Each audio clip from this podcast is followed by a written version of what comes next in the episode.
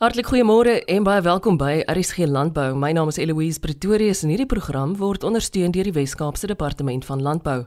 As Suid-Afrika se topverkoper kultivar wat die landsvlag hoog laat wapper in uitvoermarkte reg oor die wêreld, verwag wynliefhebbers net die beste wanneer dit kom by 'n glas Suid-Afrikaanse Sauvignon Blanc.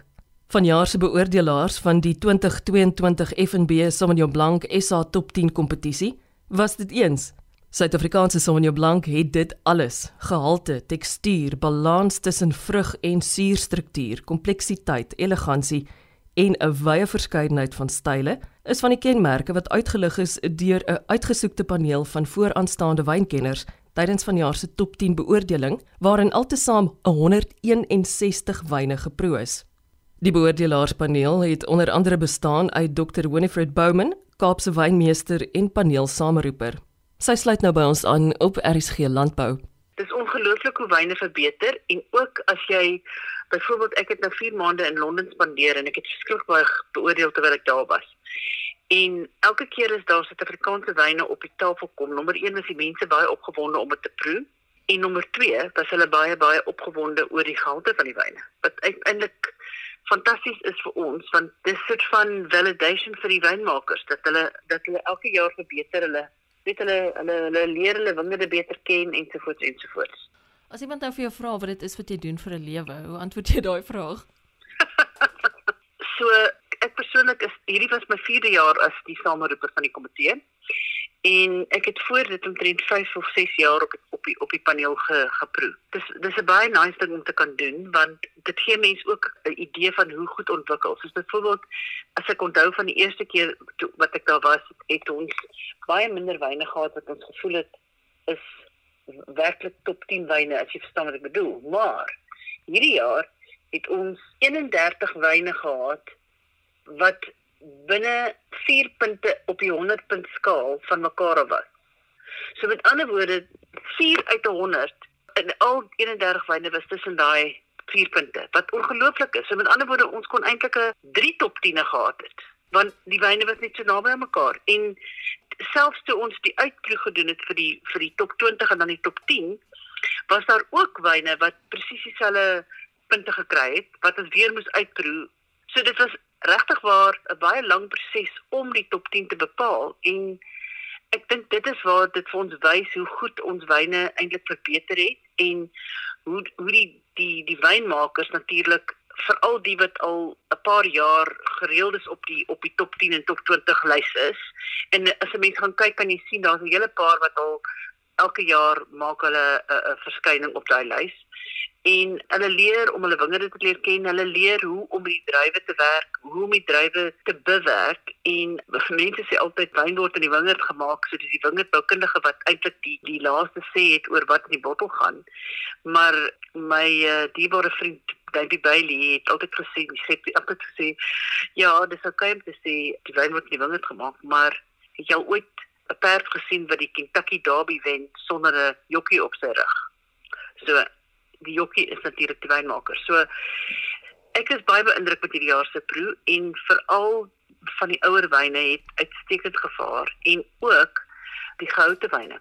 So dit was baie interessant want goue wyne was eintlik nie vreeslik 'n groot deel van die kompetisie nie, maar deesdae word al hoe meer Sauvignon Blanc gehou of 'n bietjie bietjie gehou en dit is fantasties want dit gee net 'n ander dimensie aan die wyn wat vir die verbruiker 'n groter keuse gee van wat hulle kan drink. In hierdie spesifieke kompetisie natuurlik is dit net droë wyne, maar ek meen ons weet ook dat Sauvignon Blanc maak uitstekende soetwyne en edeloeswyne soos wat mense in, in Bordeaux en daai plekke kry. So ek was baie beïndruk en die paneel was baie beïndruk en veral die wynmakers wat ons op die paneel gehad het, het opmerkings gemaak dat mense beter werk met die suurbalans van die wyn. Daar's minder reduktiewe wyne wat wat nie altyd so lekker smaak nie. Dit is my baie interessant om te dink dat ons self Sauvignon Blanc maak in KwaZulu-Natal.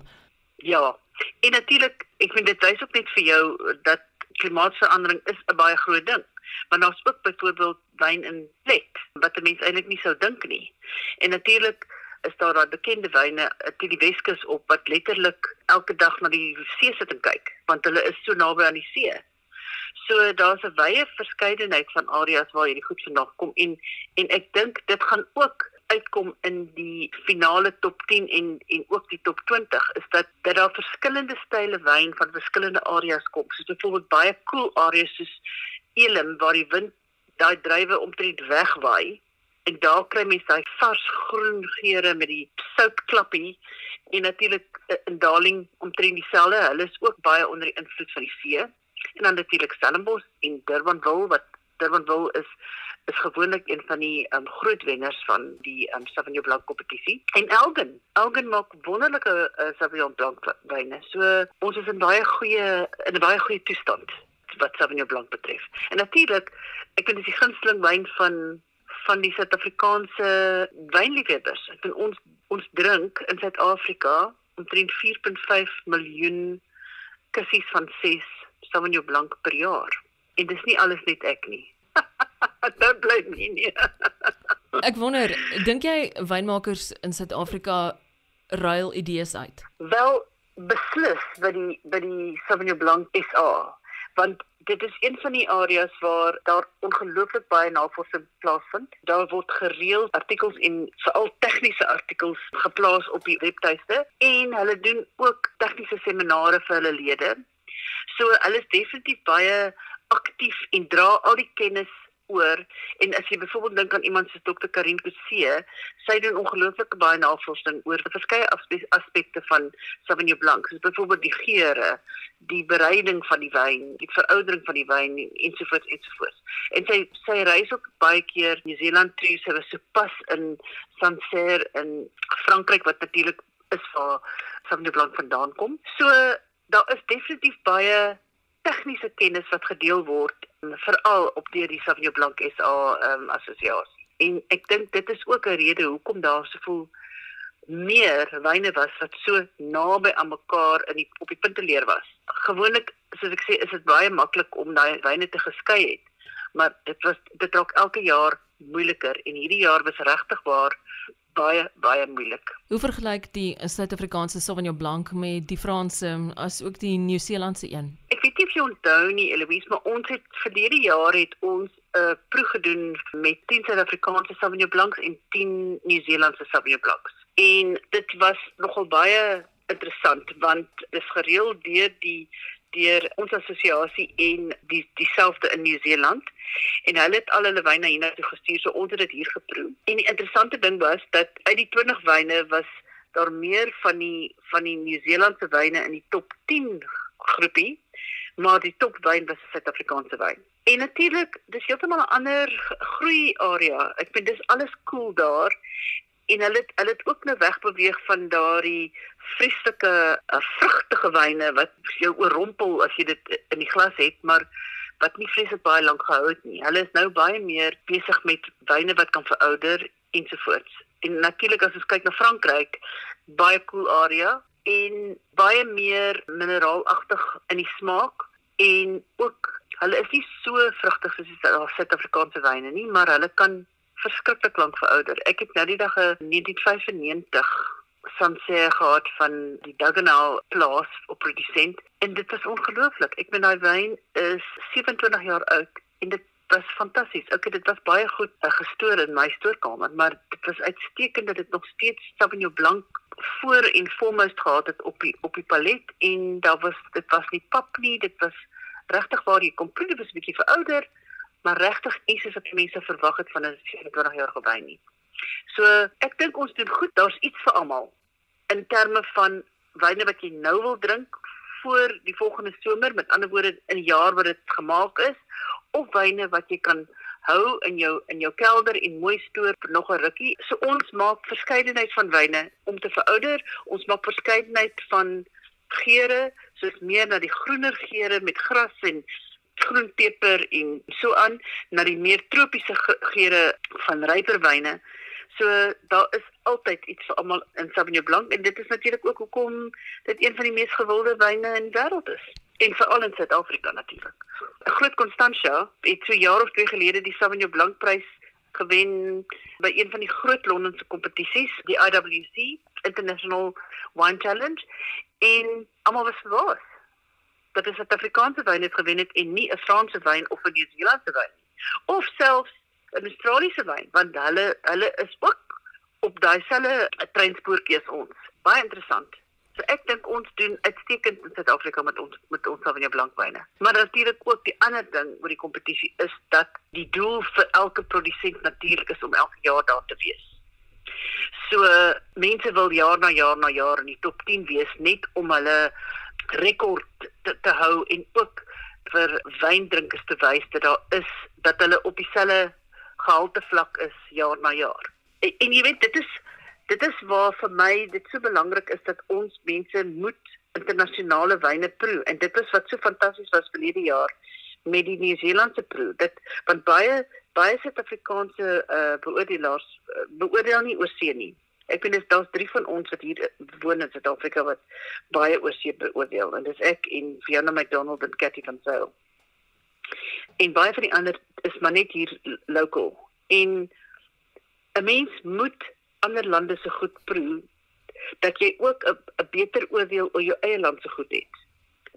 En dit is hoekom ek so baie um, oor see proe want ek wil net my eie land se goed op die beste manier beoordeel.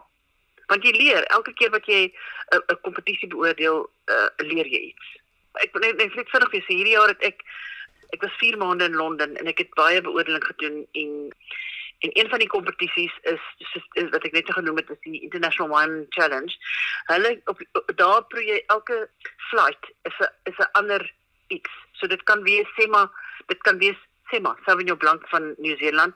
Die volgende flight kan wees Pinot Noir van uh okay, sê maar Frankryk.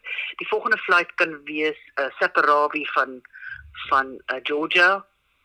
So ek het in daai kompetisie alleen het ek omtrent 15 druifsoorte geproe wat ek nog nooit voorheen in my lewe geproe het nie. Maar die feit dat ek 'n noem dit maar 'n gesoute beoordelaar is, ek ben ek kyk na die balans van die wyn en ek kyk jy weet van na die gehalte van die wyn. So dit was fantasties en ek ben mense kan nie daai tipe van ondervinding hier kry nie want meeste van daai wyne is nie beskikbaar in die land nie. En die ander ding wat ek ook vir wil sê daar is byvoorbeeld van ons wynmakers, soos byvoorbeeld ek doen elke jaar vir 'n wyngroep omtrent 3 of 4 proe en van dit is nou sê maar 5 ster proe van van hulle is proe voor hulle hulle eie wyne in die bottel sit om te kyk hoe is hulle wyn teen teen die wyne van dieselfde pryspunt en dan doen ek 'n internasionale proe en die ou betaal vir al hierdie wyn om so te kom en ons proe internasionale wyne sodat sy wynmakers internasionale wyne kan vergelyk met ons eie wyne en maar die wêreld nou deesdae soveel kleiner is, maar die groot probleem is natuurlik net ons kry nie genoeg van daai wyne hier in in Suid-Afrika nie. Kaapse wynmeester Dr. Winifred Bowman. Gesondheid op topgehalte Suid-Afrikaanse wyne waarop ons kan trots wees en mag ons ook met dankbaarheid dink aan die legio werksgeleenthede wat dit skep. Baie dankie dat jy saamgekuier het vanoggend. Onthou om môre om kwart voor 12 weer by my aan te sluit vir nog 'n weergawe van RSG Landbou. Ek is Eloise Pretorius. Totsiens.